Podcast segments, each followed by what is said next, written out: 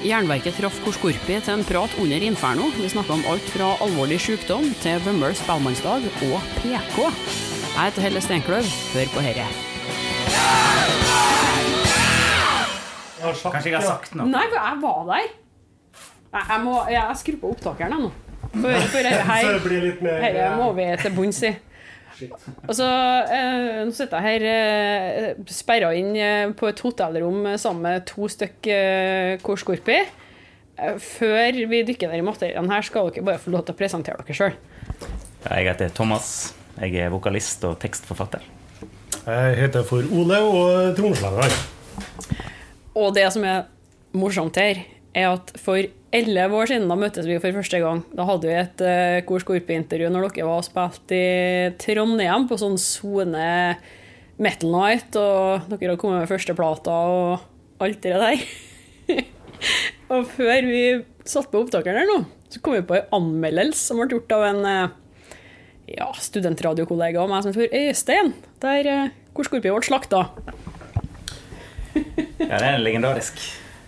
Den var, den var så dårlig at vi syntes den var fantastisk, faktisk. Det, var, eh, det, er, jo, det er jo ingenting som er verre enn sånn treeranmeldelse. Så når du får en sånn totalslakt, det er gull verdt, det. altså. Elsk det eller hat det. Det er best. Det, men det var, jo, det var jo helt fantastisk, for at jeg, jeg er ganske sikker på Jeg tror ikke det var et annet band, for at da ville jeg huska det. At den anmeldelsen ble jo sendt på radioen før dere skulle ha konserten, mener jeg. For, for seinere på den der Dere spilte noen konserter i forbindelse med den plata. Og dere åpna, mener jeg, en av konsertene med et klipp fra den anmeldelsen. Jeg er ganske sikker på det, altså. Det, det kan jeg. Vi har jo ikke spilt så jævlig mange konserter, egentlig. Altså, men, det eh, var jo turné med Helheim og Vulture Industries ja. Norge. Eller sånn Mini-Norge. Og da Hvis vi gjorde det, så var det ikke for å være ekkel. Nei, men det var jo dritartig. Det var jævlig morsomt. Ja. Det kan godt hende vi har gjort altså Vi er truende til å gjøre det, men jeg klarer liksom ikke å huske hvor og hvordan eventuelt det ble gjort. Nei. Men eh, det, vi er veldig truende til det. Så det, det kan godt ha skjedd. Ja, godt ha skjedd. Vi var unge og dumme en gang i tida, vi òg.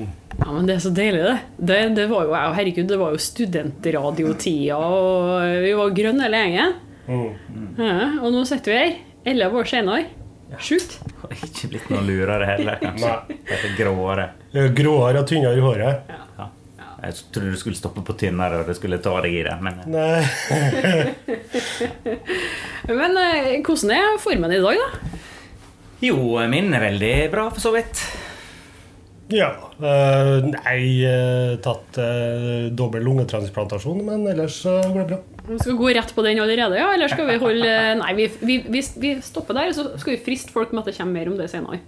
Ja, For det går jo ett kjør nå. Dere er på Inferno og skal spille i kveld, og har gjort litt andre ting i dag òg, forstår jeg? Ja, vi Nå vet jeg ikke når dette her kommer, og hvor public ting er, liksom, men eh, vi har nå på en måte snakka med NRK litt i dag. De driver og filmer en dokumentar om eh, black metal og, eh, som skal komme til vinteren. Så da ville de prate litt med oss. Og det er jo Jeg tror vi musikalsk sett så eh, reflekterer vi vel kanskje en litt sånn sidedel av black metal-scena i, i Norge. Som på en måte kanskje er mer melodiøs, eh, mindre corpse paint. Eh, og kanskje litt sånn ytterpunkt i, innenfor den scenen. Så jeg tror de var, de var litt interessert i å få et eh, litt sånn sideperspektiv også. Som han sa, det, det kan jo òg være pent. Det kan jo òg være pent. Ja. Så utenom trønderen her, så er det jo sogninger hele gjengen. Så det blir jo Sognametallen er jo ega greie, det. Ja, det er jo sånn Vi har syntes det har vært vanskelig å bruke den termen fordi at den, har vært, den var så tett knyttet opp til Vindir. Eh, og alle i bandet har jo vært super Vindir-fans. Eh, holdt på å si, Nå skal jeg ikke snakke for de som har spilt i Vindy han Gaute, syntisten vår, han, han spilte jo i Vindir.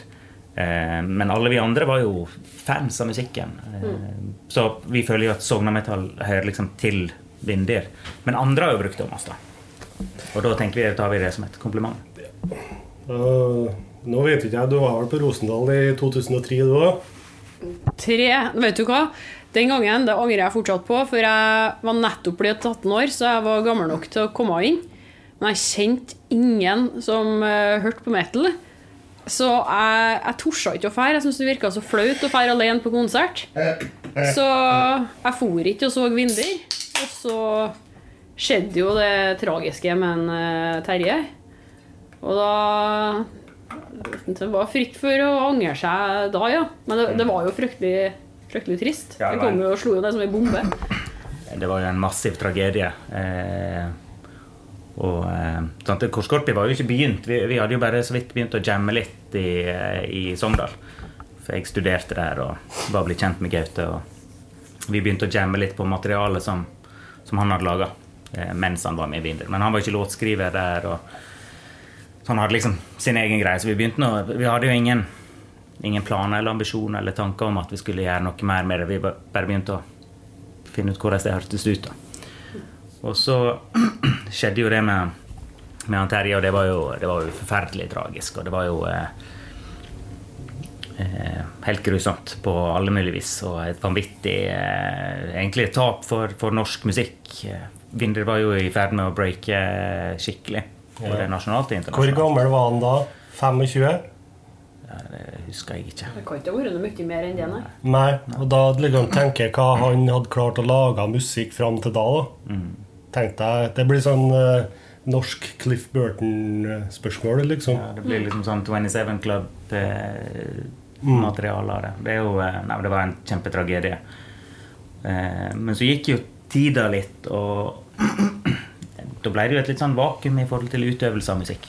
Så, og da plutselig var det jo rom for at vi kunne gjøre noe musikalsk eh, sammen. Eh, og da raska vi sammen eh, lokale folk eh, som kunne være med da, og spille. Og da var, i, I starten så var det jo eh, da var det jo Gaute og Stian som spiller leadgitar nå i Vreid, som også spilte i Vindir. Og eh, så spurte vi han Jørn som spiller tromme i Vreid, om han kunne tromme på, på en demo da, så vi ville gjøre. Og um, den fikk jo jævlig med traction og ble kåra til månedens eh, demo i Metal Hammer. Og vi fikk masse forespørsler ut ifra det. Så tenkte jeg at ok, dette her er jo kanskje verdt å forfølge litt. Så da eh, Til dags dato vet du ikke hvor mange som er solgt av den demoen. Nei, jeg vet ikke. Nei, vi, vi, vi trykte opp Jeg vet ikke hvor mange. Vi trykte opp et par hundre som, som vi gjorde skikkelig. Og så hadde vi jævlig med cover. Som, 500 cover. Ja, for sånn minstetrykking. Så vi kopierte opp et visst antall CD-er som hadde print på, og så hadde vi jævlig med bukletter, for det, det var det 500. som var minste, minste antall. Så når vi gikk tom for CD-ene med, med trykk på, så begynte vi å brenne de sjøl. Og solgte de. Eh, Jeg satt en Stian på Jernvaren i Sogndal og kutta cover og brent eh, CD-er og sendte ut. Så det er jo to versjoner der da, som en som samler eh, burde ha hatt. Ja, definitivt. Og den, den første med, med trykk på CD-en, den, den er veldig sjelden. Ja. Det er kanskje 100 X, kanskje. Så den den er nok veldig Kanskje en gang det. Den har sikkert høy pris på disk også.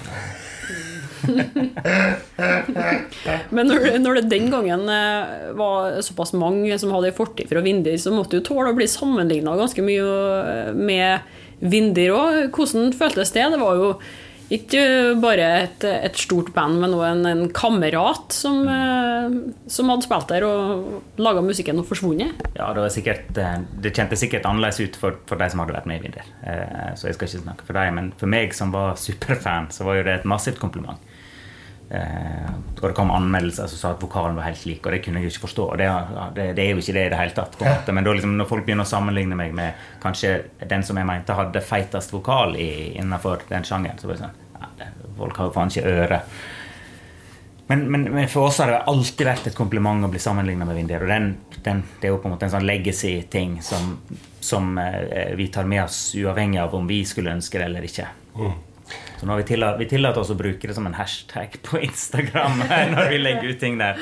Ellers eh, så spiller vi, spiller vi metal. det, det er jo det eh, Stian eh, Han har jo en helt unik gitarlyd som han hadde i Vindyr. Og en spillemåte som du hører liksom tvert. Det er han, liksom. Med den vibratoen og den sounden. Og den tar han med seg uansett hvilket band han spiller. Og der ble jo parallellen liksom trukket med en gang. ikke sant? Og det, Eh, nå er jeg jo så heldig at jeg har vært og spilt sammen med han i andre anledninger. Eh, blant annet et annet band som heter Mistur, som er fra Sogndal. Og dem òg liksom Å, Vinderklone! Fordi Stian har jo liksom samme Stian er Stian, sant? Og så er det jo noen overordna paralleller òg. Altså, vi spiller melodiøs metal. Vi spiller ting som tar ifra black metal, vi tar ifra folkemusikk litt. Grann, vi tar ifra klassisk. klassisk musikk. Og, og med en gang du på en måte blander alt det der greiene der, så blir det jo et litt sånn kanskje Noe som kanskje er litt sånn typisk eh, den sogna metal-greia. Mm. Men det er jo klart at mye av parallellene kommer jo selvsagt gjennom, gjennom det soundet, men òg det at eh, flere av karene i disse bandene har jo vokst opp sammen på samtidig med han Terje. Så de, de, de hørte jo på mye av den samme musikken og likte de samme greiene. Ja. Så da blir det jo litt sånn Alle bortsett fra deg som er ungdom. Ja, er jo omtrent like gammel. Du er ikke smått i bane? Nei, ikke, men eh, han og gitar- leadgitaristen er det.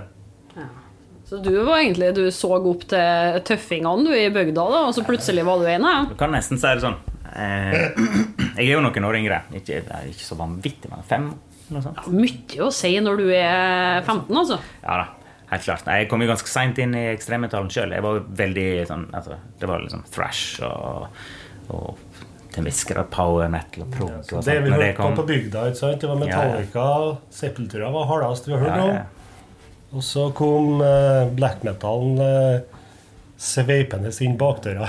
Jeg hadde en sånn svingom innom Dream Theater og, og Du har jo håret til James LeBrie, da. Ja, sant. Og Absolutt, der eh. stoppa sammenligninga!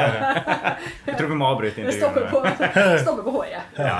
Nei, men det, så jeg hadde jo en liten svingom inn der. Så jeg hadde jo vansker for å komme inn i ekstremetallen. Jeg synes det var så jævla vrient. Og det morsomste er jo det at det var vokalen jeg syns var fæl.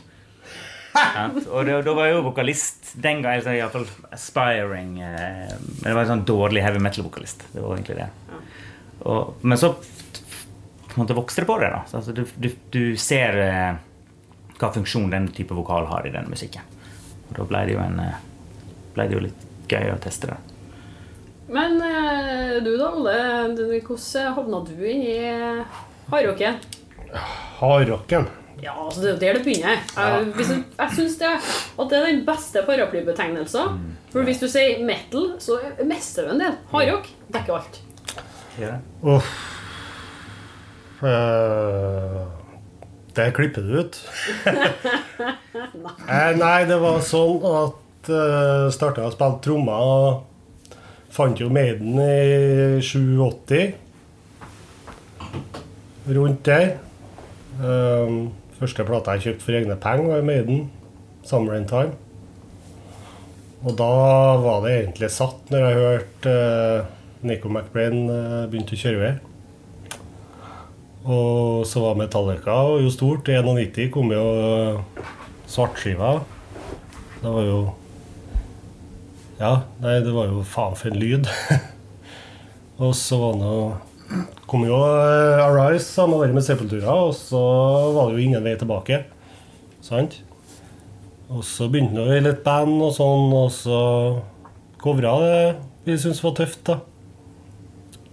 Og så hørte jo Kom inn i black metal, da, kan si. Kom via Shadow Throne med Satyricon. Og så begynte han å dra litt inn i byen, og eh, møtte jo på Ildskjær. Det var jo Keep Kalesin, heter de i dag. Og ja Så starta vi nå et band eh, ute i bygda der jeg bor, som heter, for, het, heter vel fortsatt for Hellstorm. Og du holder på ennå med Hellstorm. Ikke jeg, men eh, det er vel ikke så lenge siden de ga ut noen plater. Nei, jeg tror jeg har det som er kommet av Hellstorm, altså, men det har liksom ikke vært så mye liv i det siste. Nei. eh, Mer død. mer død. Ja. Men ikke sant, eh, Amok og kompani, eh, Berle, har jo eh, 10 000 prosjekt på gang, så plutselig kommer det en vinyl. Sant?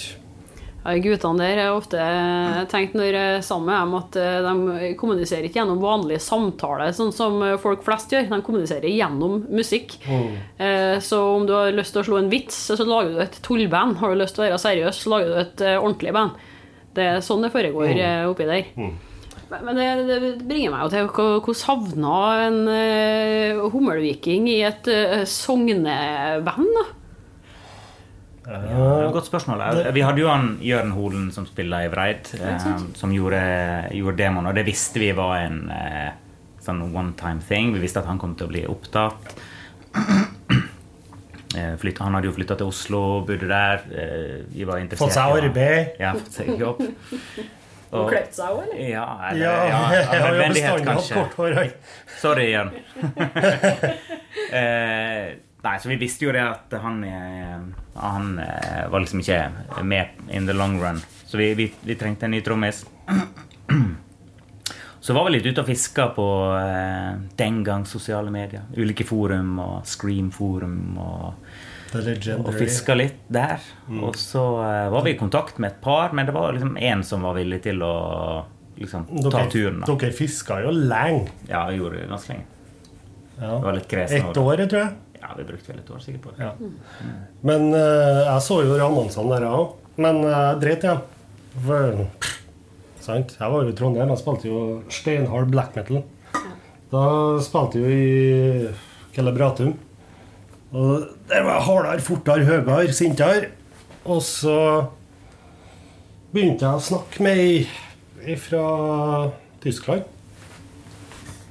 Som eh, sa at hei det, det er et band med noen jeg kjenner det, de trenger trommis, liksom. Du er jo trommis. Så kanskje Du må ta hør på det. Jævlig tøft, liksom. Og Windy Connection og bla, bla. Og et par år før det så hadde jeg jo spilt eh, live eh, varma opp for Windy, så likte jo Windy, liksom. Så da Og det var den Rosendal-konserten? ja, Ja, og da, da tenkte jeg at ja, faen, hva bare hør på det. Og så hørte jeg noen låtene eh, som lå ut. Så var det én låt, ett parti, som gjorde at Nei, hør her. Det her må jeg prøve å bli med på. det var eh, 'Når enden er god'. Ja. Så har du et eh, midtparti der med litt sånn Sorry, Vindir-gitar. Ja, det kan jeg fortelle. Eh, og den eh, Den eh, Den gjorde at jeg tok kontakt med Thomas, og så snakka vi litt. Og så eh, fikk jeg beskjed om at eh, Nei, vi har funnet en. Og så gikk det et par uker, og så Nei, vi hadde ikke funnet en lell. Ja, vi, hadde, vi hadde en kar eh, som egentlig var veldig positiv, og som vi visste var flink, på en måte. Eh, men han eh, Vet ikke om han sjekka kart. og fant ut at året var jævlig langt å kjøre. Så da droppa han ut. Det er jo ironi, for at jeg bodde jo faen meg mye lenger unna. Ja. Det er sant. Det er 50 mil hver vei. Ja. 45 mil på sommeren. Det er ikke det er mest praktiske avstanden nei, men eh, jeg forstår det som at vi fortsatt bor eh, forskjellige plasser. da. Ja, nå er vi enda mer spredt. Nei, faktisk, faktisk litt mer samla. Nei, ja, stemmer det. Det er utrolig nok. Utrolig nok. Men eh, Ja, på, en periode ja, på det verste så var det Oslo, Bergen, Trondheim, Stavanger eh, og Sogn. Så da var vi jo da, Men det var kanskje da vi gjorde mest gigs. Ja. Ironisk nok.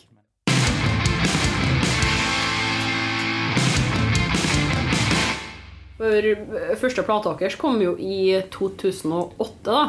Den eh, berømte slakten som de fikk eh, av min kollega i den gang Hamartid. Monumentet, ja. som var så pompøst. Men det fikk jo ellers gode kritikker, da. Ja, vi fikk veldig gode anmeldelser. Oh. Og vi har, vi har på en måte vært, vært så heldige at vi har fått veldig mange gode anmeldelser. Eh, og det har på en måte vært sånn Gjort at vi har fortsatt og syns at det var greit, selv om hatt jævlig mange nedturer. Nødvendigvis ikke sånn ikke sånn at der ting har gått til helvete, men der det bare blir vanskelig å få ting til. Da, for at du har lyst til å være et band med den gjengen. Vi har aldri tenkt business. Sant? Det har kanskje vært en svakhet òg, for den saks skyld. Men så du, har, du liker den gjengen du spiller med. Eh, du har lyst til å spille med den gjengen. Eh, Og da prøver du å legge til rette for at det skal kunne gå. Sant? Og så går tida. Sant? Klokka tikker, og månedene går, og årene går.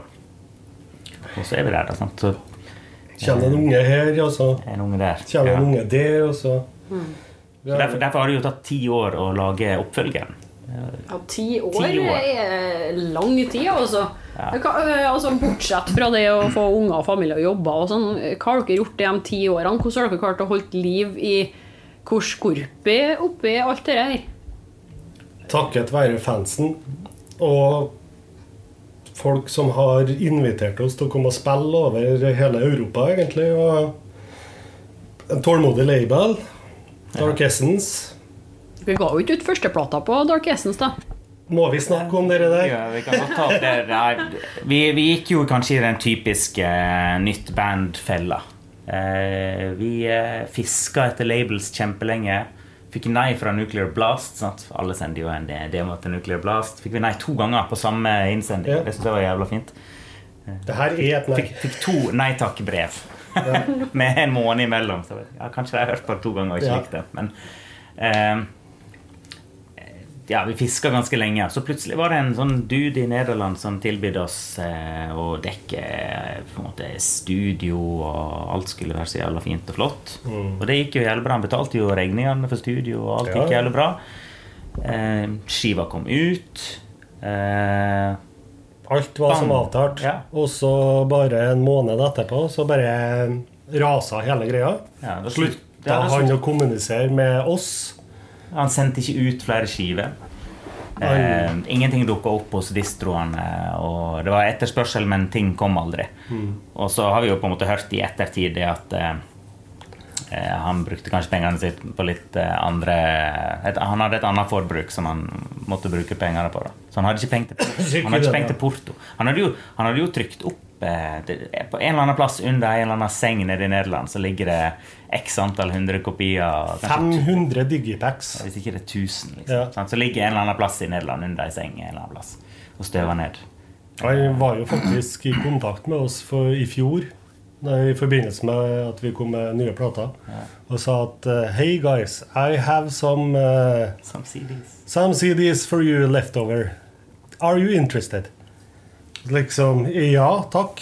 Og da har vi ikke hørt noe mer. Nei, egentlig han kom aldri. Men tok Dark Essence over? da? Fikk dere overført rettighetene der, så det gikk an å gi ut plata på nytt igjen? For det er jo ofte interessant. ja. Mm. Og det var jo egentlig det som skjedde. Jeg, jeg, jeg bodde i Bergen eh, når dette her eh, skjedde.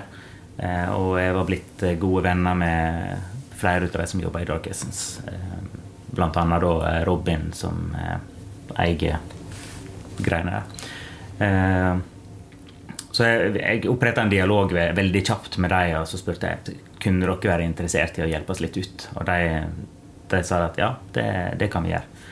Så da eh, klarte vi, å, vi klarte å få kontakt med han. Vi klarte å få en kontrakt der han skrev fra seg alt av eh, rettigheter til musikken og, overførte alt tilbake til oss. Og så lisensierte vi den ut til, eh, til Dark Essence, som trykte den opp. Eh, Feit eh, slipcase-cover. Eh, Inkludert demoen. ja, der vi la på demosporene fra den første demoen. For det var masse spørsmål om demoen fortsatt. Ja. Så det er jo egentlig en sånn tolvspors eh, sak. Eh, og den òg er jo veldig jeg er veldig fornøyd med den. Så vi fikk remastera og, og gjort den biten. Så de redda jo oss eh, ut av et knipe, Så vi har vært evig takknemlige med Dark Essence. Ja. Så de har vært en helt sånn fantastisk label å være på. Eh, for jeg tror jaggu ikke det er jævla mange labels som hadde godtatt å vente ti år på en oppfølger. Eh, og Eh, fortsatt. åt- så har det- åtte, egentlig, da. Ja, praktisk praksis. Ja. For deres del. Du tenker, ja, for at de signa dere da ganske kort tid egentlig etter eh, Monument, da. 2010, var det ikke det? Ja. Ja, det var vel, altså, Vi hadde vel dialogen. Jeg husker ikke alle disse årstallene. Det har vært min eh, dårligste eh, egenskap. Jeg husker ikke årstall og sånt. Men, eh, men, men tida går jo. sant? Månedene flyr når du begynner å prate om sånne type ting. Og så, så kom den jo ut igjen etter hvert. Eh, Men det er klart at det ødela jo utrolig mye for oss i starten. Sant? Vi mista hele momentumet. Eh, Vi, vi fikk ikke Sant? Vi, da fikk, kom ikke platen ut, sant? så vi fikk ikke fulgt opp med gigs. Og, så det, det knakk oss jo litt i begynnelsen i forhold til det å, å, å bygge bandet og på en måte få en sånn det, det er nå, Sånn, sånn touring cycle og hele denne album cycle-tankegangen. Så vi, det var vel egentlig det som vippa oss litt av pinnen. Ja. Så slutta han Stian. Eh, Det var jo også fullt forståelig. Det var, han fikk tilbud om å bli med i Breid, og da tok han det. Ja. Han, eh, jeg vet ikke hvor personlig jeg skal bli her, men eh, det var jo helt greit. Jeg skjønte, skjønte jo egentlig hva han ville. ja, så han ville jo spille gigs. Han ville spille live, og nå begynner jeg å bli så gammel at det her er jeg nødt til å gjøre nå. Og da sa jeg, vet du, det skjønner jeg jævlig godt. Så det var jo veldig forståelsesfullt. Ja. Så begynte vi en prosess med å få tak i en eh, ny gitarist. Og vi, vi var jo veldig gira på å lete litt innafor uh, bekjentskapskretsen vår. Hjemfylket. Ja, egentlig. Det, det er jo praktisk at når folk bor i nærheten. Da. Det var jo en motivasjon i seg sjøl. Da fikk vi jo inn en barndomskompis av meg som har tatt over. Og var- Og han kom jo fra en sånn shredder-bakgrunn med type ja, helt andre Ja. Helt andre Prog, liksom. Ja, og på en måte Ja, kanskje Og iallfall sånn thrash leads, på en måte. Med, med Metallica og Megadeth og uh, Pantera. uh, Vi snakker liksom. Vava-pedal. Ja, Vava og masse sånt. Husker, husker, jeg, husker jeg feil nå, eller hadde han spilt i Funeral? Ja, han Han spiller spiller fortsatt i Funeral. Funeral, ja. ja. Men det, det er jo igjen det motsatte motsatt av det igjen, da. Det er jo. Seigt og treigt og kan alt det mannen da.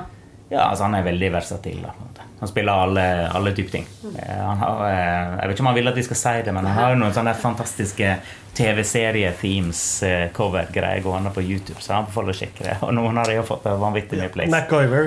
Ja, MacGyver. Airwolf. Jeg Dr. nevner i fleng. Ja. Så når ikke han er her, så må han, han kan ikke forsvare seg, da det er det bare å snakke. Nei, det er sant.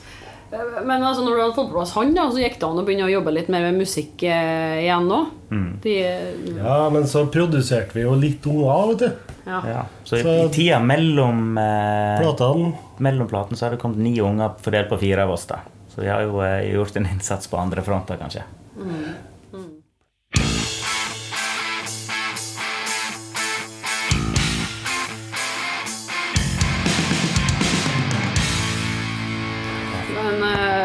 der kommer vi jo litt tilbake òg til dine indre gemakker, skal jeg si, eh, Ole. For eh, når eh, Thomas tok kontakt med meg og spurte om vi skulle gjøre dette her på nytt igjen, så fortalte han jo det at det hadde skjedd ganske dramatiske ting innad i bandet. Og Ja. helsa di hadde ikke vært helt god. Nei, det har den jo ikke vært Uh, aldri. uh, nei, uh, det endte jo opp med at I 2018 så måtte jeg si fra meg alt av Eller allerede i 2017 så måtte jeg bare legge ned trommestikkene mine og si at akkurat nå er jeg så dårlig at jeg klarer ikke å spille trommer. Da hadde jeg vel en lungekapasitet på rundt 22% Og som eksempel da, så kan du prøve å ta et sugerør i kjeften og puste kun gjennom det, og så går du opp og ned i etasjene her. Sånn var det hele tida. Bare hvis du skulle gå ifra dass til kjøkkenet og til sofaen, da. Det ble mest sofaen, for å si det sånn. Og sjuk hele tida med endeløse antibiotikakurer med intravenøs og sykehusopphold og you name it. Visste du hva som var galt med deg sjøl til å begynne med? da? Eller? Ja, jeg visste jo det. Jeg har jo holdt det for meg sjøl i um, 20 år.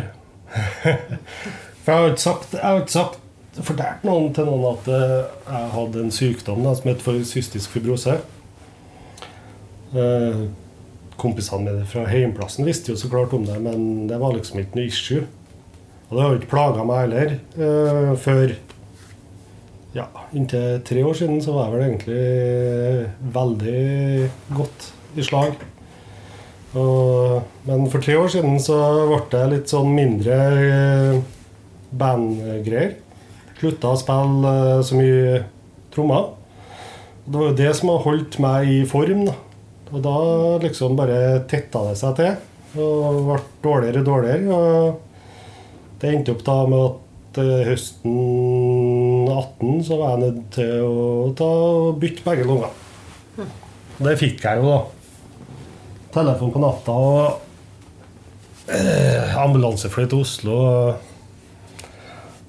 Full spread, reversed spread eagle med ribbeina uti 45 graders vinkel.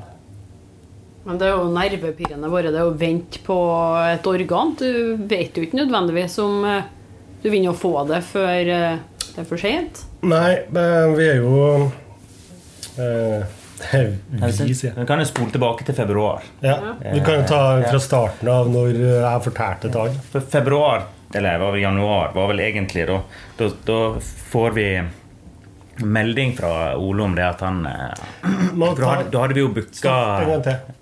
Vi fikk, eh, vi, vi fikk booking av uh, Carmageddon. Mm. 17. Det var jo 17. Og den, den takka vi jo 17. ja til. Vi, vi spilte jo i 18, men eh, vi fikk jo eh, bookingen eh, i eh, 2017. Ja. Eh, Så vi takker jo ja til den, selvsagt. Det er jo eh, en av verdens beste festivaler. Og, og Iallfall å spille på, men òg å være på som tilskuer. Det er jo dritlangt å reise, men jeg reiser hit nesten hvert år sjøl. Ja, og det er en kongeplass å spille, så det, det takker vi jo selvsagt ja til. Det jo, vi fikk en kul spot på hovedscenen og full pakke. Men så i januar så sender Ole melding og sier at eh, den gigen jeg, jeg kan ikke spille på den gigen. Jeg er så jævlig dårlig form at jeg kan ikke spille. Og da hadde vi jo liksom kobla det opp imot det han har sagt. Han har hatt astma og at han ikke har vært helt i slag. Det har vi jo på en måte merka litt. Han har hosta noe jævlig på øving, og det har vært masse styr rundt det. Så vi tenkte at ok, det er kanskje det bare ok, Vi veit ikke helt. Men så samtidig så sier han at vi, vi må prates en dag til meg, da. Ja, jeg sa at uh, bare ordne. Jeg skal si mer seinere. Ja. Jeg er ikke helt klar til å snakke om det nå. Så fisker vi jo inn en stand-in-trommis. Han er jo med oss i dag også. Em, Kjempebra trommis, forresten. Ja. Thomas Mikkelbust han spiller i eh, både Mistur og Galar nå. Han har spilt med Immenser. Han har vært session-trommis på både Vulture Industries og Vreid. Er Supertalent. Og så en greie òg, vet du. Ja. Det irriterer meg Ja, mest. ja, har irritert oss vanvittig masse. Sant? Du har en trommis som er flink på gitar òg, og kan synge. Ja, og og er grei. Og han er grei. Da er bare okay, det må jo være noe galt med Ja, det. jeg tenkte vi må lete med lys og lykte. Men eh, ja, så, så sender Ole melding, da. Sier at han er dårlig, kan ikke spille. Vi må snakkes. Og så i februar da, så eh, tok vi oss en samtale, jeg og Ole. Eh, vi ringte hverandre, og eh, så forteller han da, at han har altså, hele livet hatt cystisk fibrose. Nå er han så sjuk at eh, hvis ikke jeg får lungetransplantasjon nå i løpet av ikke så altfor lenge, så, eh, så potensielt sett kanskje et år. Ja, så Eller. Da var jeg jo ikke så dårlig som jeg ble etter hvert det året. Um, Men det var sånn da, på, på en måte altså, Hvis ikke jeg får en lungetransplantasjon, så, så kan jeg potensielt sett stryke med hvor tid som helst, egentlig. Og det er veldig viktig for meg at dere vet at dette her kan skje. mm. Og hvis det skjer, så at dere vet hvorfor det har skjedd. Eh, og det, for, for vår del var det jo sånn totalt eh, Blir jo helt sånn eh, eh, ja, Tatt på senga, bokstavelig talt. Altså. Det, vi ble helt eh, satt ut av det. Så han formidla til meg at jeg skulle ta det videre til resten av bandet og, og prate med dem. Så gjøre dette her i oppkjøringen til en gig som vi skulle ha i, i mai. Eh, Så det ble jo en veldig sånn eh, hva skal jeg si, trykka stemning på noen av de øvingene vi hadde før den gigen. Grei fyr, vet du. Ja. Men, men, men det satte ting veldig i perspektiv. Alle ting som har skjedd før. alle ting som eh, Liksom begynte å connecte noen tråder, tenker jeg. Definitivt. Ja. Men, men hvordan var det for deg, da? Og så øh, endelig fortelle det her til folk som du hadde kjent i så mange år. Altså, du det blir jo en vane å holde en hemmelighet, og hvis ikke plager deg, så trenger ikke å si det, liksom. Men Nei, men det var jo nettopp det. ja, hvordan, var det å måtte komme ut med den nyheten her? Helt jævlig. For eh, da eh, eneste personen jeg har sagt det til på 20 år omtrent, det var samboeren min. Og så starta jeg med en kompis, og så tok jeg en Thomas etter hvert. For jeg måtte jo jeg, måtte, jeg trente meg jo på hver, eh, til å komme ut av det skallet. For at eh, det er jo egentlig ikke noe å skjemmes av, ikke sant? Men skam meg likevel. Det hadde vært mye lettere egentlig å håndtere hvis du var homo. liksom. Ja. Jeg tenker at Det hadde vært en, mindre, det hadde vært en mindre skummel hemmelighet. på en måte. Altså, Det er jo på en måte kosher, men det er jo på en måte altså det å gå ut og fortelle at du har en vanvittig livstruende sykdom som har på en måte egentlig i praksis ødelagt livet ditt på så utrolig mange måter. Mm. og potensielt sett skal avslutte livet ditt eh, på et eller annet tidspunkt. Før tida, liksom. Ja. Ja. Eh, det var veldig, veldig sånn det er Ekstremt inntrykk. Og det, det henger sammen med Det er jo klart at vi, vi, vi Alt jeg har liksom eh, gjort, da, på tross. ja. Du kan si det, sånn Black metal har holdt han i live. Det er fascinerende, for det er jo en sykdom som du på en måte må være veldig fysisk aktiv for å kunne holde det, om ikke i sjakk, så i hvert fall holde igjen litt. Eh, Og det å spille black metal-tromme har ekstrem metal-greier med blast beats og full pakke. Det, det er jo helt sant. Det er jo sånne vanvittig tøff slogan altså, spiller black metal stay alive. Det er jo ja. Her kommer en ny T-skjorte. Black metal kept me alive. Ja, det kunne funka. Ja, merch-idé. Men um, altså, en, de rundt deg blir jo redd, men uh, kanskje du Jeg vet ikke hvordan det var, var du bekymra for at folk skulle bli sint på deg når du fortalte? Altså, Kjente dere noe på det her at eh, Faen, hvorfor har ikke han sagt det her før? Ja. Jo, ja, vi er dritsure. Fortsatt. Nei, men, men, men ja, jeg kjente veldig på den følelsen. Det er jo liksom den der Vi er jo et band, sant. Som jeg sa tidligere, så er det jo det at du har hatt en eh, Du vil ha en gjeng, du vil ha en gjeng å forholde deg til. Vi kommer jo jævlig godt overens, eh, hele gjengen. På tross av at vi er ulike på alle mulige måter. Eh, så eh, kommer vi jo veldig godt overens. Trives veldig godt i lag. Det blir sånn kameratskap. Altså sånn, den, den, den der eh, glorifiserte måten vi tenker på band, den har jo på en måte egentlig prega måten vi har eh, Det er vel derfor det har uh, funka så lenge. ja, altså Vi har holdt ut fordi at vi liker hverandre. Vi trives jævlig godt i lag. Vi, vi har det gøy. Når vi er samles og når vi er på tur, og sånt, så er det egentlig eh, dritgøy. Så ja, det føltes veldig eh, Jeg ble litt forbanna. Skulle ønske jeg hadde visst det. For at da kunne vi kanskje Vi kunne tatt hensyn, vi kunne brydd oss, vi kunne Ja, vi, vi, vi kunne gjort noe. Altså, vi tenker at kanskje vi kunne gjort noe. Men det er akkurat, ikke. akkurat derfor jeg holdt kjeft, for fuck hensyn. Ja.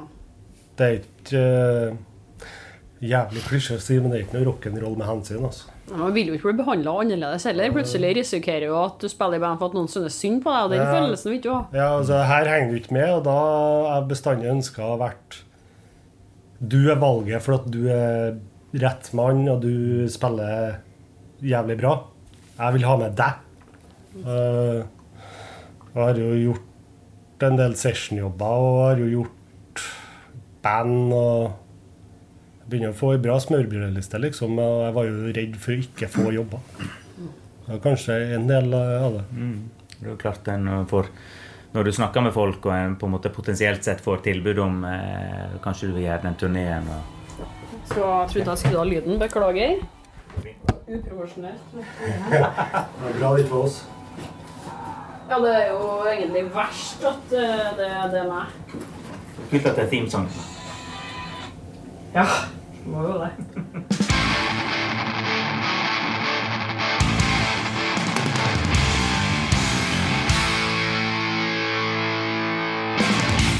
Hva, hva, hva har vi snakka om før i telefonen? ringte? Nei, det vi snakka om eh, Vi hadde vel nesten begynt å runde av det der med at eh, du ville ikke si noe om helsetilstanden din. eh, Fordi at jeg var redd for å bli miste Ja. jobber, ja. For at det er jo, det er jo trommis jeg har vært. Det er jo liksom identiteten min. Og det er det som er helvete akkurat nå. da. Det er jo at eh, med store forandringer følger jo stor medisinering. Så går jo på ganske mange heftige medisiner med booklets med bivirkninger. For nå har du tatt transplantasjon, og det har Ja, det har gått veldig bra. bra. Ja, jeg sitter jo her og ser kjekk ut. Håper jeg. Ja, Um, kjekkere. så uh, kjekkere, ja. Nei, sorry, jeg flirer. Jeg mista latteren min, så, for at jeg har jo skåret opp hele fronten. Så magemusklene mine har ikke kommet tilbake til Så jeg kan ikke flire ennå. Det er drawback.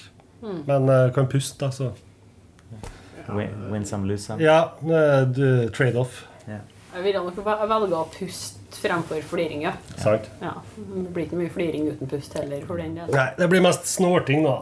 Men eh, nok om det. Nei, eh, Så det medisinene her gjør akkurat det. Derfor jeg har stand-in nå eh, på trommefronten. Fordi at eh, det er en eller annen bivirkning på medikamentene de ikke finner ut av, som gjør at eh, stivner etter eh, veldig kort tid.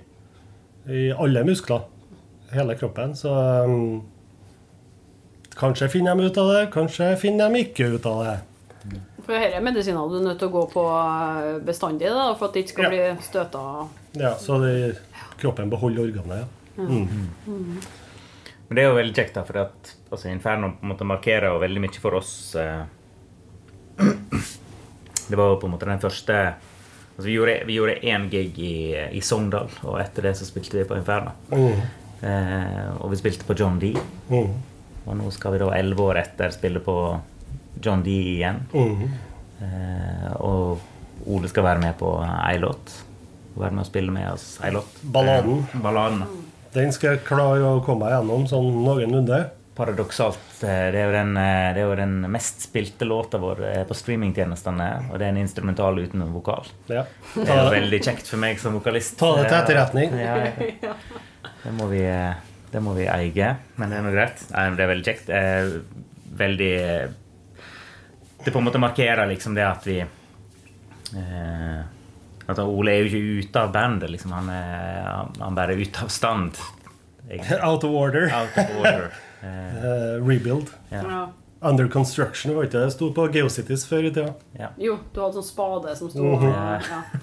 Så jeg kan gå rundt Ja, her snakker vi old school internett. Ja, men hallo, på, på Facebook-sida deres har dere jo ennå ikke oppdatert hjemmeside. Det er jo en lenke til MySpacen deres eh, med det gamle eh, Fikser det i albumet. morgen. Jeg skal fikse det i morgen. Ja, MySpace Ja, er ikke aktuelt lenger. Nei, Nei, det, Det det fins bandcamp, det er nå. Ja, Bandcamp. Det, vi har jo Bandcamp, så jeg må bare jeg må, Takk for tipset. Det dette, her er jo, dette er jo sånn omstillingsgreie. Sant? For at når vi begynte å like musikk, så var musikkbransjen annerledes. Bare siden vi begynte, og vi har ikke drevet på så jævla lenge heller. Eh, og, og, bare i løpet av den tida så har ting endra seg helt latterlig. Sånn, streaming har kommet inn. Jeg husker når vi ga ut Monumentskiva, så var jo den på, eh, på Torrent-side før vi fikk våre kopier. Ja, fra Før trykkeriet. release. Sant? Så- Ja, det, var, men, altså, det er jo fortsatt vanlig i dag, det. ja, Ja. men, men jeg, sånn, så for min del jeg, jeg, Torrent er ikke borte lenger. For at nå er jo ting på Spotify, nå er det ting på Tidal eller tilsvarende. Sant? Eh, Tidal, men det er jo en helt annen Don't support Tidal. Tidal's bad, ok? Tidal betaler mer per stream, faktisk. Selv om eh, mesteparten Selv om det er fik fiktive streams. Ja, men så lenge det er deres fiktive, så da Jeg tror våre er sikkert reelle, men jeg vet Beyoncé eh, fisker inn litt ekstra kronasje. Ja, hun trenger jo det. Hun trenger det. Hun tjener ikke nok penger i det hele tatt. Så det, Det var jo noen ting vi diskuterte. Jeg og Thomas var jo på musikkonferansen til Inferno. og Da var det jo snakk om å tjene penger på strømming og sånn der. Eller vi snakka oss imellom, da. For dem som satt på scenen, satt vel egentlig bare og sa det at eh, hvis du ikke har eh, mange nok fans til at du kan leve av det og være på turné hele tida, da er ikke bandet ditt liv laga i det hele tatt. Ja. Så det hjelper ikke hvis du har 50 000 fans. Nei, de er ikke verdt noe, dem. Du må ha så mange millioner at eh, du kan være Ghost, liksom. Ja, og det er fascinerende på en måte. Jeg syns jo det er litt sånn problematisk egentlig at bransjefolk mener det. For det handler jo om Når du opererer i en eh, nisje, nisjesjanger, som det er iallfall ekstremmetal er, så er jo jævlig mange av de bandene er jo basically hobbyband. Sant? Altså det er ting som oppstår fra intet og forsvinner ut i ingenting etter ganske kort tid uansett. Eh, de største bandene er de som ikke har kredibilitet i det hele tatt heller. Sant? Mm. så, så for min del så jeg tenker jo det at eh, eh, det er jo litt sånn problematisk hvis det er sånn at ingen av de profesjonelle aktørene er interessert i å jobbe med deg hvis du eh, ikke kan turnere 18 måneder i året. Da, da stenger en ute jævlig mye ut av den gode musikken, tror jeg. Hvis du tjener null kroner på turneringa, så hjelper det jo ikke å turnere 18 måneder i året heller. Hvis du går i minus, og du har unger og kjerring og leilighet, eller hus helst, da. Ja, jeg tenker, det er jo et verdispørsmål, dette der. Jeg tenker at sånn som For vår del, vi er familie Iallfall fire av oss har eh, fått unger og eh, har enten eh, kone eller samboere og Seriøse jobber. Ja, og ordentlige jobber. Det, og det er klart at vi driver jo med dette fordi at det er en, eh, det er en lidenskap. Eh, og det ville være merkelig hvis ikke vi kunne på en måte omsette den eh, lidenskapen i eh, både konserter og i platesalg, selv om vi på en måte ikke er ute og pusher tingene våre etter bransjestandarden, altså i hermetegn. Så eh, nei, jeg, tror det er mye rom i musikkbransjen for, for, for band som velger å gjøre det på en litt annen måte. Det tror jeg. Jeg tror, jeg tror det viktigste er at musikken kommer fra, en, en, eh, fra den riktige plassen. Altså kommer fra hjertet, den kommer fra hjernen. På en sånn måte at det blir eh, ja, ekte, da. I den, i Ja, altså- den grad Jeg prøver å unngå å bruke ordet 'true' her, altså, men i hvert fall at det skal være for ekte. Nei, men Noe gjør vi jo rett. For at uh, Vi sa, nevnte jo tidligere at en del av det som skjer, er at fansen har holdt oss gående. At vi har blitt invitert til forskjellige plasser i Europa. Eh, vi har f.eks. blitt invitert til Bern i Svært Sveisa. OK, det klipper vi ut. Vi ble invitert til Bern i Sveits, eh, og um, vi ble invitert til å være i fem dager. Og kosa oss, egentlig. Ja. Spilte én gig. Alt- liten Alt casha, liksom. Ja. Liten, stappfull klubb. Ja. Det var 50 grader på scenen. Det dampa. Men uh, Så var ikke det backstage-området? Altså backstage-området, Da måtte du på en måte gå av scenen og gjennom lokalet. Eller ut. ut. Når, så når vi hadde fullført gigen Vi hadde jo bare øvd inn et sett. Sant? Så står folk og skriker etter mer og mer. Og mer sant? Og vi, ikke, vi skulle ikke gjøre den kleine med å spille en låt en gang til. Sant? Det er så jævlig flaut. Sånn at vi sto ute gjennomsett og fraus Altså, det var jo dritkaldt. Så vi fraus og sto ute og måtte vente til publikum hadde gitt opp. det var før vi kunne gå inn igjen. Det var i 20 minutter før Ja. vi kunne gå gjennom lokalet. Fraus på lungebetennelse hele gjengen sant? før vi kunne gå inn igjen. Men, men da, da hadde folk reist til Bern, sånn, hovedstaden i Sveits. Så hadde folk reist fra Italia, Nederland, Belgia Langt pokker i vold sant? for å se eh, et eh, band fra Sogn. Mm. Sogn og Fjordane i Norge. Eh, og det, det, det sier noe om dedikasjonen til fansene våre. Og de har Vi får, jeg, jeg vet ikke, håper jeg iallfall ukentlige meldinger og, og der, der folk liksom Hva er det som skjer? Hva er det som skjer? Gjennom de ti årene. Kan dere komme og spille? Ja, det er litt, litt, litt den der eh, Come to Brazil-tankegangen, på en måte. Eh, Men likevel så, så betyr det jo noe når folk eh, kontakter oss. Og vi har jo på en måte fans som egentlig har som vi har blitt veldig godt kjent med etter hvert. Eh, og, og som er på en måte vi er, vi er på fornavn med dem og på hils med dem når vi treffer dem. Men de pusher oss så hardt. både, altså De pusher oss, men samtidig så selger de oss til eh, venner og bekjente, og de snakker om oss overalt. Og det gjør de i ti år.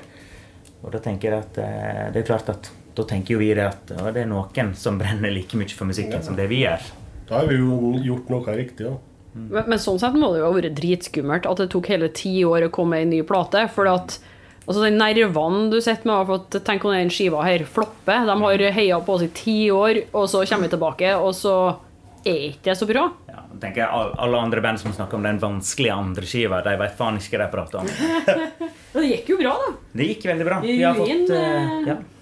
Fikk jo fem Nei, åtte femmere i Scream. Så vi har, vi, har, vi, har fått, vi har fått latterlig bra anmeldelser. Utfordringen vår har vært å omsette det i gigs og Tid. Ja, egentlig. Sånn at vi, vi, har, vi har jo Vi har jo lyst til å spille mer live. Det er klart at Vi fikk et lite skudd for baugen nå i Ja, forhold til det med, med, med Ole. på en måte. Men, Tok jo en Frankenstein, men ja, men, men vi, vi er klare for å spille gigs, sånn at uh, vi er vi er, vi er skodd for det. Ja, og vi er glad for det. Vi er, vi er gira. Det er jo det, det feiteste det er å spille live og spille for et publikum. Det er jo klart sånn som det vi gjorde, vi står og spiller i Bern i Sveits, og folk synger tekstene. Og eh, Ja. tekstene våre er på nynorsk. Sant? Sånn at eh, det, det er jo en helt sånn, helt sånn bisarr situasjon når en synger Når du hører publikum som ikke har norsk som sitt morsmål, synger med på tekstene. Det er en eh, helt sånn bisarr situasjon. Så det, det, det er fett. Men er det prematurt å spørre om eh, dere nå har begynt å tenke på ny plate, sånn at vi om ti nye år kan få tredjeskiva? eh, Ja, vi har, vi har begynt å tenke på ti år. nei, nei, vi, vi har snakka om det. Og vi, men, men så da kommer du inn på hele den diskusjonen. Er det, er det, er det album, eh, full, fullt album? Er det det som er lurt å gjøre nå? Eh, Er det liv laga? Er det liv laga å gjøre det? Eh, Og det er jo en massiv diskusjon som jeg vet foregår blant, blant artister og i bransjen. Sant? Altså hvor de store bandene kan kjøre album.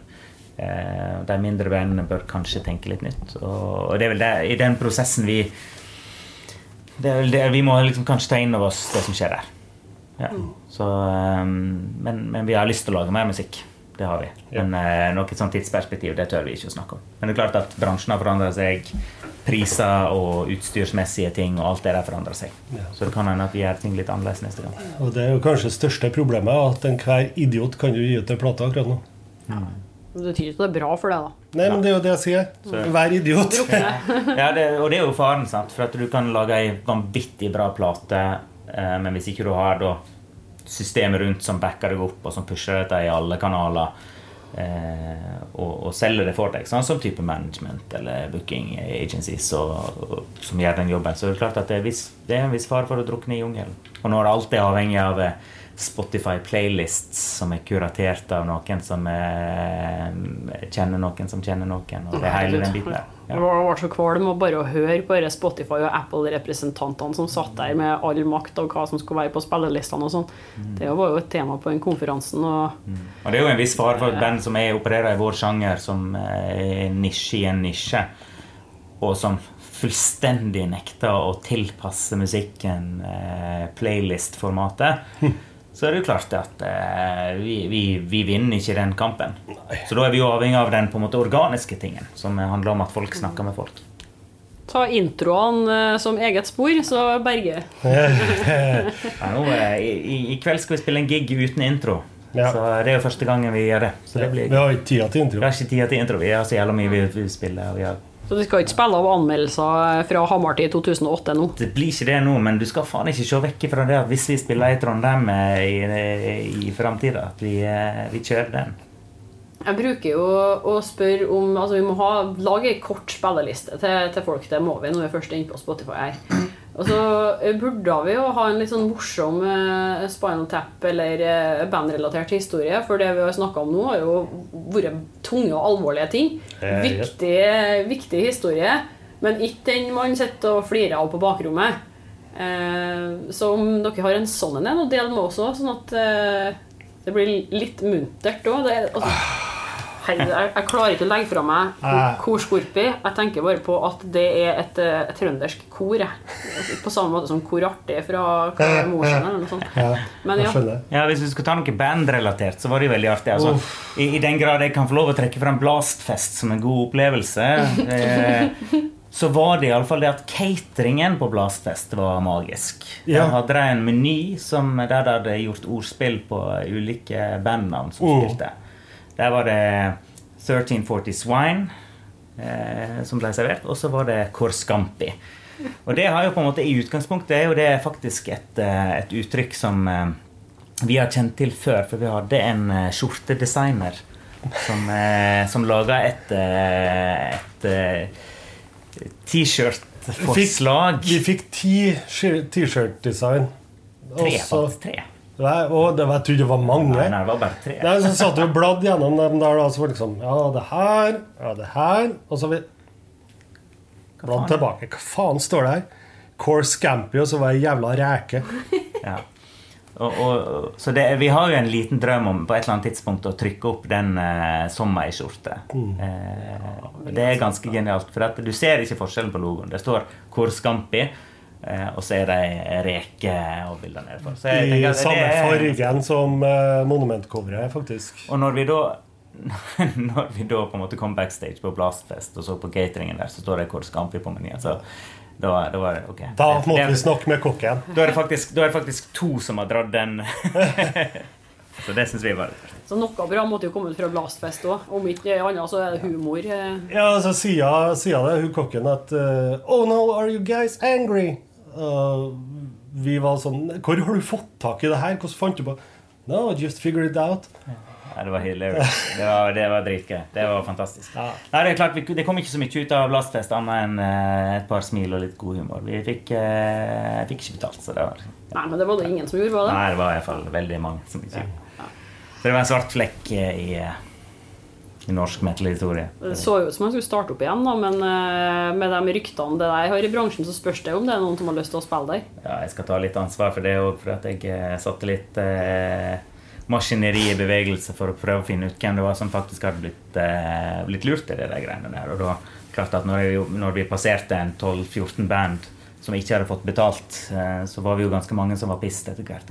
Og alle trodde at det var bare, bare dem. Og så- Men vi snakka jo sammen i dette miljøet. Heldigvis. Ja, det var en, en fadese. Eh, men til slutt gjør nå ei uh, lita spilleliste. Vi må ha ei Korskorpi-låt. Og så ellers så kan det egentlig være hva som helst, så lenge det er hardrock-relatert. Altså, vi kan jo bare ta spillelista til Eldar Vågan, egentlig. Eldar Vågan. Ja, ja, ja, det er jævlig bra. Ja, nei, Ja, det hadde han faktisk. Ja. Nei da. Uh, for vi? skal vi prøve å holde under 14 minutter, eller? Osk og innsikt. Den er vi utrolig fornøyd med. Det var liksom vårt magnum opus veldig lenge. Nå skal vi, vi har alltid avslutta settet med den. I dag skal vi kjøre den i starten. Ja. Så det blir fett. Eh, jeg skal jo drive litt skamløs sjølpromotering. Uh, med kan ta Vecordius med 'Aberration'. Det er låt som jeg fortsatt er stolt av. Eh, det er ikke så lenge siden det. Eh, da med en redusert Ole på tromma. Men det var nå det jeg klarte å kvele ut av meg, det òg. Det var jo en sekser i Scream. Skal jeg driste meg til eh, Vindel-låta? i dag? Alle, alle, vil, alle vil ta sakene, så jeg tar 'Svarte smeden' og 'Lundamurtrollet'. Er beste låta. Det er en fantastisk låt. Blir det u... Nei, vi skal faktisk ikke ta Metallica. Vi skal ta Man... ikke Manwar heller. Vi skal ta Megadeth. Eh, Da blir det vel uh, Holy Wars. Holy Wars. Den har vi faktisk And the punishment You. Ja, vi har faktisk covra den. Første gigen vi gjorde. Ja, covra vi den, for vi hadde ikke nok materiale. Så da fikk jeg en Gaute stå der ene og alene for å ta det Det chimesen på midten, vet du. Det var alt han gjorde. Jeg var- syntes den var genialt. Jeg tror vi tvang gjennom den. Men selv om han er jo kanskje den største Megadeth-fansen av oss alle. Så, Ja. Eh, Men da, da kommer Nasalt vår til sin rett, gjør ikke det, ja, når du skal være Mustein? ja, men da, vi, vi, vi tørte ikke å gjøre det med, med Megadeth-vokal. Altså, den ble eh, noe raskere gjennomført, tror jeg. Vi spilte Jeg tror den litt, litt hardere. litt fort da. Ja, litt fort. Ja, det var faktisk uh, første gangen jeg hørte uh, Obliteration. For de spilte uh, samme kvelden. Og så kom jeg, den uh, trommisen kom etterpå og sa Faen, spilte dere nettopp Megadeth, eller? Altså, ja. Hvorfor sa du ikke noe om det? Nei, sorry. Vent, var det du som spiste banan under soundchecken? Ja. Ok. Ja, det var en konge. Det var jo en lokal festival som vi, vi spilte. Det var. Støy er jo ganske kjent i Sogndal, da. Sogndal, ja. Ja, så Det er jo studentfesten deres, uka. Hvor mange låter skal vi ha? da? Skal vi ha noe mer? Ja, Har du tre nå? Må ha altså, faktisk Dimmu-låta. 'Insight and the Catharsis'. Kanskje den beste sånn eh, symfonisk black metal-produksjonen. Altså, den er helt magisk. Med eh, Vortex på clean vokal. Den er lang. Du, Du mener at det er Dimmu før pengegaloppen? Ja, kanskje. Det er iallfall Dimmu før jeg følte at det ble veldig sterilt. På eh, De hadde begynt å tjene penger allerede da, Ja, men eh, har det noe å si, da? Nei, men det var Spiritual Black Dimensions. Er den siste plata jeg virkelig eh, det er skikkelig bra. Faen, jeg hadde jo tenkt å foreslå noe Rotmo eller noe, men greit. det. Det kan gjøre vel. det kan jeg gjøre. Kjør på. Eh, Gammel-Thomas. Gammel Thomas. Det er jo black metal. Det har jeg faktisk lyst til å gjøre en versjon på. I Scampy-versjonen, da. Eh, Sc- Scorpio-versjon. Very nice. For eh, Du kan ikke slå et refreng der han sier at han er hei hidli, hei hidli, hei hidli didli dau. Det er ikke noe som slår det. Nei, fin. Det er mye fint med døden i det der. da. Ja, det er faen meg så morbid, den teksten. Og, og bryllupet òg, for den del. Ja, ja. Når han får ta med seg en kasse oppå på en Lars. Og tok, eh, så stakk jeg fingrene i øyenhulene. Så skallen bar som, skallen til gards, liksom. Skallen som ligger oppi, oppi liar og synger. Ja. Vi kan følge videre på ikke-metal-biten. Så Ja. har vi jo eh, Erik Satie, som har en eh, jeg kan ikke si låt, men en komposisjon som heter 'Gnossien 1'. den har vært eh, kjempeviktig for, for vår del, iallfall, sånn musikalt sett. Forhold til det. Herlig. Ja.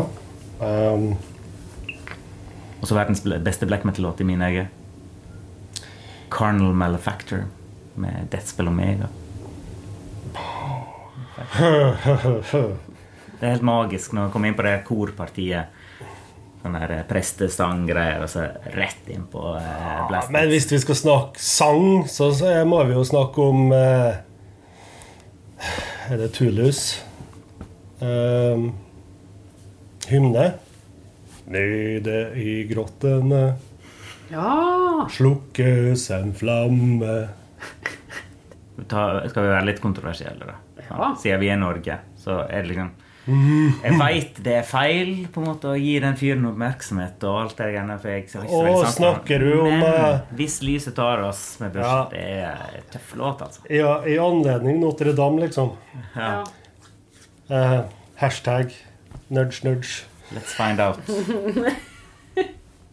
Men, eh, men, eh, men det, det er jævlig flott. Det, det er så lo-fi, og, og det er et eller annet med det. Jeg tror vi, Hvis en hører den um, helt Hvis du på en måte ikke veit noe om um, om Bursum og Vard Vikenes og alt altså Hvis du bare hører den låta for det den er, så er det jævlig tøff uh, black metal-låt, altså. Altså Man kan jo synes det samtidig som man ikke uh, hæler fyren. Det er vanskelig, det der, men Det eh, det har blitt så mye vanskeligere òg, Ja. føler jeg. Sant? Med, Ja. med framveksten av Antifa og alle disse der som skal sant? Hvis du liker det, så, lik, så er du sånn. Og, og det, det, det, har ikke jeg så veldig eh, sans for. Jeg, jeg tenker at eh, ok, kunsten er en bit, og så får alt det andre står for seg. Jeg er veldig lite glad i boikottmentaliteten. Det er kjempe, det er litt morsomt. For vi har bare venta på at vi òg synger på norsk, og vi på en måte har veldig vi har nok en del sånn nasjonalromantiske temaer i musikken. Sant? Og vi eh, er nok litt eh, både Gynt og Grieg-inspirert. Sånn, Altså, sånn vi til- spiller jo fjelltoppmusikk. ja, ja, vi gjør har, jo det. Vi har trekkspill i låta og alt. sant? Torader. Ja. Så jeg tenker jo, jeg, jeg venter bare på at det skal komme, så da kan jeg si det at nei, men jeg er faktisk eh, arbeiderpartipolitiker. Da, på en måte Tilhører venstresida som det holder. Så jeg venter liksom bare på den, jeg, da, sånn at jeg kan bruke det. Ja. da, da er du jo landssviker. Ja, ja, eh, da er jeg på andre sida. Andre sida ja. Så jeg tenker at ok, kanskje vi Bare gi eh, faen i alt og spille musikk. Ja. Enklere å spille trash, altså. Det er mye enklere. Det er mye enklere å skrive om oppkast og stygge damer enn uh... Death metal ja. Nei. Nei. Nei, du har ikke lov til å si at damene er stygge nå. Nei, Nei, det er ikke. sorry. Du er ikke lov å si nei. Det er lov å si, men du har ikke lov å si at de er fine. Du har ikke lov til å si dame heller, har du det? Kanskje. Altså, må ta med trash-låta. Ta med Headspin med Diaper Dyke. Den skal du få lov til å stå for helt alene. Du har hørt et intervju med Kors Skorpi som jeg gjorde under Inferno i påska 2019. Neste uke legger jeg ut eh, et intervju med Alex Skolnick fra Testament. Passer bra nå som eh, thrash-dokumentaren 'Murder in the Front Row' er. Um, Eric was coming from more of a place of like Slayer, Motorhead, Venom, kind of the real punky, trashy bands. I was coming from Ozzy, Van Halen, and Dio, coming from more of a hard rock place, and I liked virtuosic guitar. Siden vi i dag har snakka om et såpass alvorlig tema som cystisk fibrose og organdonasjon, vil jeg gjerne tipse deg om litt mer eh, lesestoff. Hvis du eller noen du kjenner har cystisk fibrose, kan du gå inn på cfnorge.no for å lese mer. Norsk forening for cystisk fibrose. Vil du vite mer om organdonasjon eller bli organdonor, da kan du gå inn på organdonasjon.no. Og Jernverket podkast kan du abonnere på via podkastapp, eller gå inn på jernverket.com. Det er fint om du legger igjen ei god anmeldelse for å løfte podkasten på listene. Alt hjelper for at jeg skal kunne fortsette med herre. Og I den anledning er Jernverket òg ute etter nye samarbeidspartnere. Hvis du vil annonsere via podkast, kan du sende meg en melding, så tar jeg kontakt. Og husk på å følge Jernverket på Instagram og Facebook for månedens album fra Katakomben, diskusjoner, konkurranser og nyheter. Her er Steinkløv, det er meg, og jeg gir deg et nytt eller gammelt hardrockintervju hver fredag. Vi høres!